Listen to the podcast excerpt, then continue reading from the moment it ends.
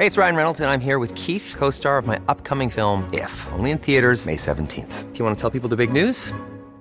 All right, I'll do. Sign up now and you'll get unlimited for $15 a month in six months of Paramount Plus Essential Plan on us. Mintmobile.com slash switch. Upfront payment of $45 equivalent to $15 per month. Unlimited over 40 gigabytes per month. Face lower speeds. Videos at 480p. Active Mint customers by 531.24 get six months of Paramount Plus Essential Plan. Auto renews after six months. Offer ends May 31st, 2024. Separate Paramount Plus registration required. Terms and conditions apply if rated PG.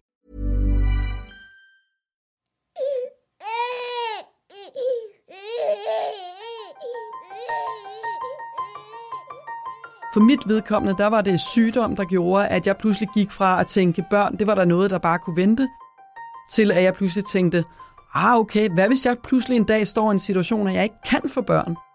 Så er det måske på tide at komme i gang. Københavns overborgmester Sofie Hestorp Andersen, hun har i mange år været optaget af, at der i Danmark bliver født færre og færre børn. Hun er frustreret over forkerte fødselstal fra Finansministeriet og ser i dagens podcast mod både danske plejehjem og Frankrigs familiepolitik for at finde en politisk løsning på de lave fødselstal. Jeg hedder Karoline Tranberg, og du lytter til Altinget Azure.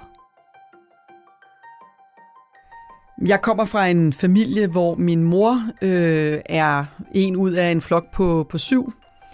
Og øh, jeg selv øh, var min fars øh, barn nummer 6 i det tredje ægteskab. så øh, på en eller anden måde, så har familie altid fyldt meget i mit liv, og øh, derfor var jeg heller aldrig i tvivl om, at jeg gerne ville have børn på et tidspunkt. Men som så mange andre unge kvinder, der vokser op, så var jeg jo selvfølgelig også, øh, fik jeg jo også fortalt af min mor, at det var rigtig vigtigt at have en uddannelse først, og få et job, og tjene nogle penge, og klare sig selv, inden man fik børn. Og derfor så øh, gik der også noget tid før, end at, øh, og man skulle også finde en god kæreste, men derfor gik der også noget tid før egentlig, jeg følte, at, øh, at nu var jeg klar til det. Jeg var 29, så jeg lagde mig sådan cirka på gennemsnittet af de fleste øh, danske familier. Hvornår begyndte du så første gang at øh, interessere dig for, hvor mange børn, der bliver født i Danmark? Jamen, det gjorde jeg så, da jeg øh, selv var højgravid øh, tilbage i 2004. Der sad jeg i Folketinget, og jeg var sundhedsordfører for Socialdemokratiet. Og øh, jeg havde et møde med Landsforeningen for Ufrivilligt Barnløse, og øh, holdt det møde, og pludselig gik det op for mig, at her sad jeg øh, med kæmpe mave og var gravid, og så sad jeg med nogen, der havde kæmpet og kæmpet og kæmpet for at få mulighed for at blive gravid selv. Samtidig var det en organisation, som var rigtig svær at, at holde gang i, fordi når folk så endelig lykkedes med deres helt store drømmeprojekt, så var de jo ikke længere øh, aktive i landsforeningen for ufrivilligt barnløse. Så derfor så var det heller ikke særlig højt på den politiske dagsorden, gik det op for mig. Det her med, at øh, omkring hver tiende barn i Danmark faktisk øh, kommer til ved assisteret befrugtning, øh, altså i måske endda et plexiglas på, på hospitalet. Og det begyndte at interessere mig, at, øh, at det er så svært for nogen at få børn, og det er jo for mange skyld, 9 ud af 10, der skyldes det sygdom, og det er faktisk ikke rigtig noget, vi taler om. Nu så jeg forleden dag, der var faktisk en, øh, en høring i Folketinget om endometriose, øh, som kan være en af årsagerne, men klamydia er en anden årsag. Der kan være mange årsager til, at man ikke kan, har svært ved at få børn. Men det er faktisk ikke noget, vi taler om særlig meget som samfund. Spørger man øh, mere generelt set, så siger de fleste, at de øh, ønsker sig to eller tre børn. Men når vi kigger på, hvor mange børn får folk, så er det typiske billede, at de øh, får en eller to. Og det tyder jo på, at nogen kommer for sent i gang øh, i forhold til deres egen fertilitet. Og så er der selvfølgelig nogen, der også bare fravælger at få børn, men det antal er øh, ikke blevet større, øh, end det egentlig har været tidligere. Til mange store overraskelser, tror jeg egentlig. Og hvad er det, du synes problemet er? Helt generelt så synes jeg, at børn er, en, øh, er et håb for fremtiden. Og øh, børn øh, gør noget ved os som mennesker. Øh, det giver os familie, og derfor så øh, alle børn, der er ønsket, øh, synes jeg som udgangspunkt er, er rigtig dejligt. Og det gør mig ked af det, når jeg kan se, at nogen de kæmper så hårdt og så længe for at få de børn, som de egentlig drømte om ret tidligt. Øh, nogle gange på grund af uvidenhed, og andre fordi man ikke lige har fundet det helt rigtige tidspunkt at få barn på, eller med den rigtige person. Så er der selvfølgelig også øh, miljøspørgsmål.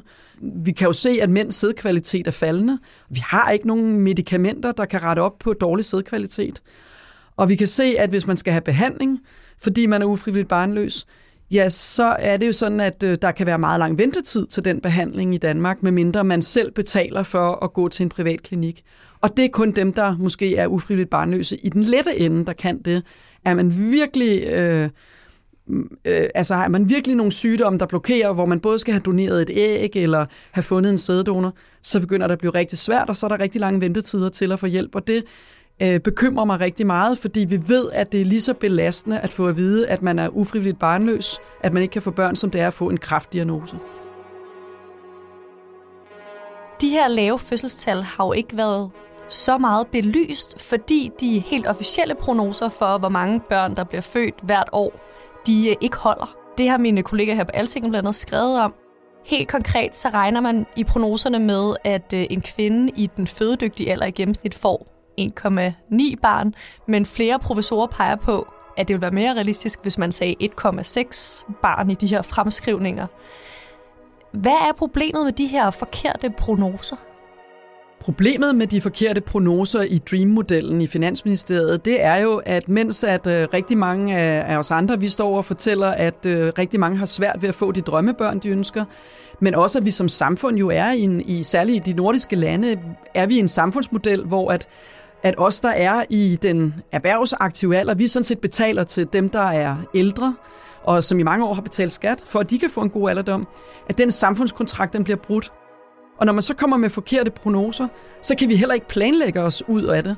Det betyder jo, at rigtig mange forskellige finansministre har stået og sagt, jamen lige om lidt, der skal vi, øh, for, kommer der 5.000 eller 50.000 flere børn, og nu skal I bare høre, og i fremtiden, der vil vi virkelig mangle alle de her øh, pædagoger og alt muligt andet.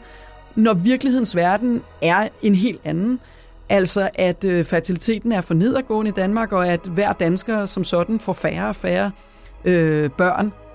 Og det øh, gør jo også, at problemet omkring dem, der har svært ved at få børn, det bliver usynligt. Det er ikke noget, som der er særlig meget oppe på den politiske dagsorden. Øh, hvad skal vi gøre for at forhindre, at man bliver ufrivillig barnløs?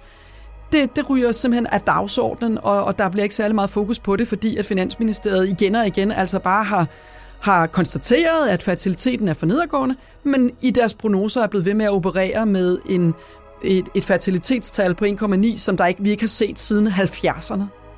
I Københavns Kommune, der har vi ikke brugt den her Dream-model i mange år øh, for at... Øh, øh, for at forudse, hvor mange øh, børn, der kommer til København, fordi den er simpelthen ubrugelig. Nu er det jo en socialdemokratisk minister, der sidder i spidsen af Finansministeriet, hvor man bruger de her tal til at lave befolkningsfremskrivningerne. Hvorfor er der ikke blevet gjort noget ved det? Jamen, altså, der har jo siddet mange finansministre igennem årene, og som har brugt Dream-modellen. Og jeg tror ikke, det handler så meget om politisk. Jeg tror, det handler i høj grad om også dem, der vedligeholder Dream-modellen. Øh, der har jo sin egen hjemmeside og sine egne nationaløkonomer, der ligesom løbende diskuterer, hvordan den skal opretholdes. Men det har da undret mig igennem flere år nu, øh, hvordan man kunne blive ved med at, at lave sådan nogle mærkelige prognoser omkring antallet af børn, Øh, så jeg øh, har egentlig ikke sådan en, noget at kritisere øh, politikerne for. Jeg har, jeg har mere sådan en, en rigtig stor undren over, at de her nationaløkonomer i så mange år har lukket øjnene for, at man bruger fuldstændig forkerte tal, når det handler om fødsels- og befolkningsfremskrivningen i Danmark.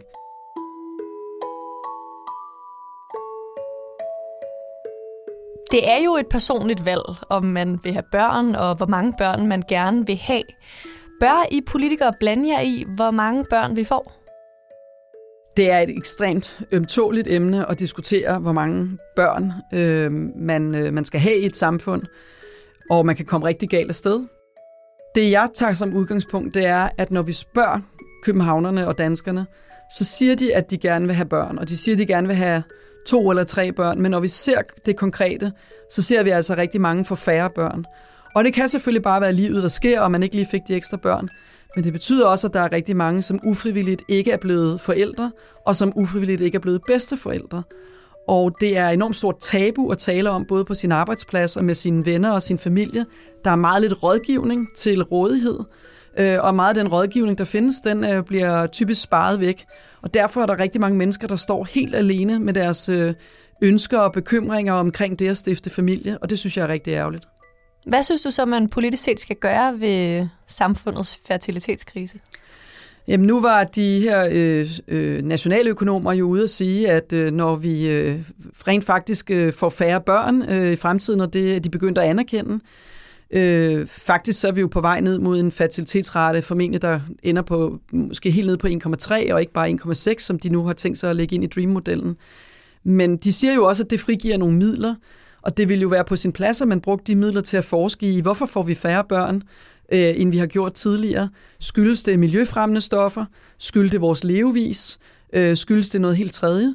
Og at man gjorde mere for at hjælpe dem, som rent faktisk ønsker sig at få børn, sådan så de ikke skulle opleve nær så mange barriere for at få det her ønskebarn. Er der også noget, man ikke bør gøre? Jamen, altså man skal jo aldrig øh, tvinge nogen til at, at få børn, der ikke ønsker børn. Øh, hvis man kigger til Frankrig, så har man jo gået meget langt for at få en familiepolitik.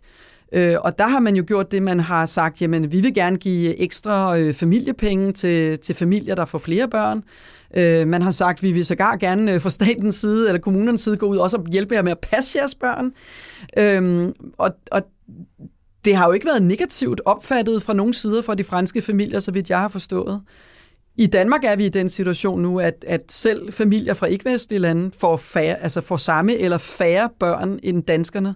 Og det er jo også en udvikling, vi ikke havde troet for få år siden. Jeg tror, vi skal passe på med at gøre det til den enkeltes individuelle problem, at man ikke kan få børn, men prøve at kigge på det mere også i et samfundsperspektiv. Er der noget konkret fra den her franske model, du tænker, man vil kunne overføre til Københavns Kommune for eksempel? Jamen, jeg tænker da, at selvfølgelig må det også være okay at tænke familiepolitik ind. Hvad er det for nogle... Øh, altså, jeg er, jo, jeg er jo overborgmester i Københavns Kommune. Noget af det, jeg tænker, det er, hvordan kan vi lave gode daginstitutioner, som, øh, som, som forældrene de godt kunne tænke sig at, at trygge ved at sende deres børn ned i? Hvordan kan vi sikre, at den lokale folkeskole, øh, den, er, den er attraktiv? Fordi vi kan jo faktisk se, at der imellem boligområderne er op til 1 million kroners forskel på ejerboligerne, på priserne, hvis man er et godt skoledistrikt.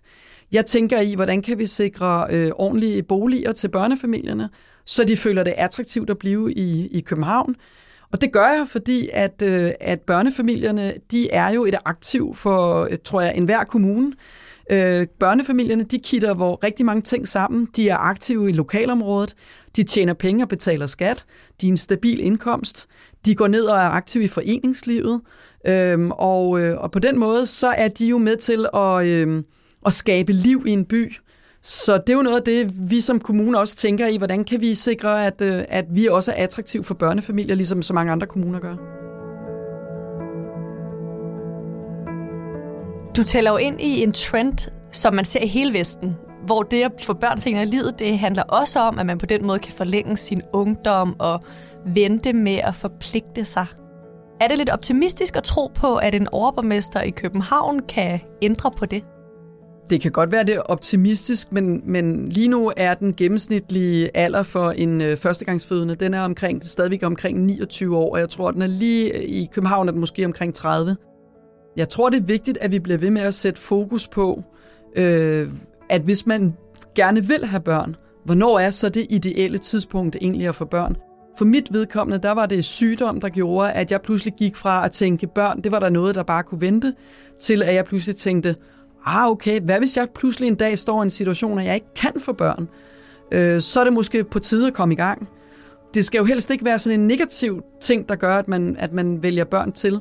Men jeg synes også, vi bliver nødt til at være mere åbne om, at nu har vi brugt mange år på seksualundervisning, hvor vi fortalte, hvordan man undgår at få børn.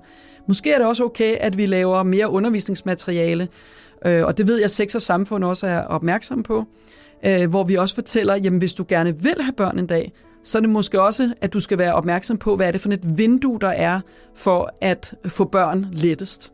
Øh, og hvad skal man være opmærksom på også i forhold til at beskytte sig mod øh, klamydia eller andre seksuelt overførte sygdomme, som kan være med til at give ufrivillig barnløshed. Og det er måske endnu mere aktuelt, når man står øh, og er 20, mellem 20 og 25 år gammel, at man har det her perspektiv med. Så det kræver jo også, at vi får de praktiserende læger med, at vi får måske øh, altså de mere øh, længeregående uddannelser med på den her trend med at tale om, at det måske også er okay at få børn, øh, mens man stadigvæk er i gang med at studere, eller inden man er kommet sådan fuldt og gyldigt hele vejen ud på arbejdsmarkedet. Og så kræver det også, at vi som samfund jo understøtter det med SU, eller med måske særlige tiltag, der gør, at man kan se sig selv som, som yngre forældre, end man er i dag.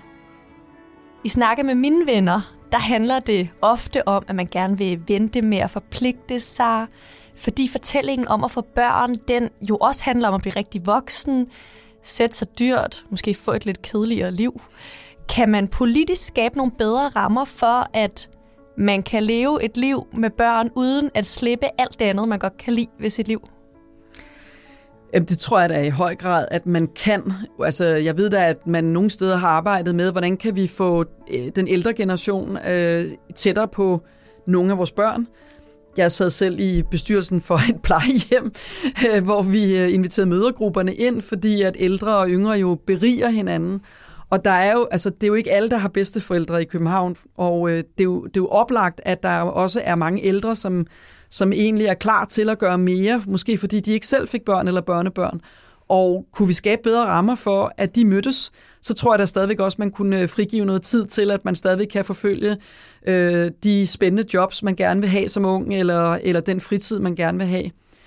Så er der den anden side af det, og det er måske også at finde nogle rollemodeller, der øh, nogle gange viser, at man jo faktisk godt med børn måske også godt kan have det sjovt alligevel. Øh, jeg synes i hvert fald, at jeg har, jeg har aldrig fortrudt de børn, jeg har fået, øh, og øh, nu er de så 15 og 19 år, og det har jo så givet mig en, fri, en, en frihed, øh, nu hvor jeg er i, øh, i midten af 40'erne og slutningen af 40'erne, til at og, og, og igen gå til, en, gå til koncerter og gøre alle mulige ting. Så jeg tror også, man skal se det på den måde, at livet er langt, og at det at få børn, det er en periode af ens liv, som ikke nødvendigvis udelukker, at man gør nogle andre ting på nogle andre tidspunkter af ens liv. For mig er det her også et tegn på, at vi som samfund jo også er i en trivselskrise, og det kan måske også have indflydelse på netop, hvor meget vi ønsker at få børn, og hvor lang tid vi venter med at få børn. Så jeg tror ikke, at det er, det, det er noget, vi bare løser med et klipstag, og vi lige laver øh, en, en, en familiepolitik, for en familieminister, og så lige klatter 10 øh, politiske budskaber af. Øh, jeg tror, det her det rækker dybere og, og helt ind i det, at i de værdier, der er som mennesker og som familier. Øh, jeg tror, det eneste rigtige, det er, at vi taler om det. Det var alt, hvad vi havde til dig i podcasten i dag. Jeg lavede dagens podcast. Jeg hedder Karoline Tranberg, og pas godt på dig selv, til vi lyttes ved igen.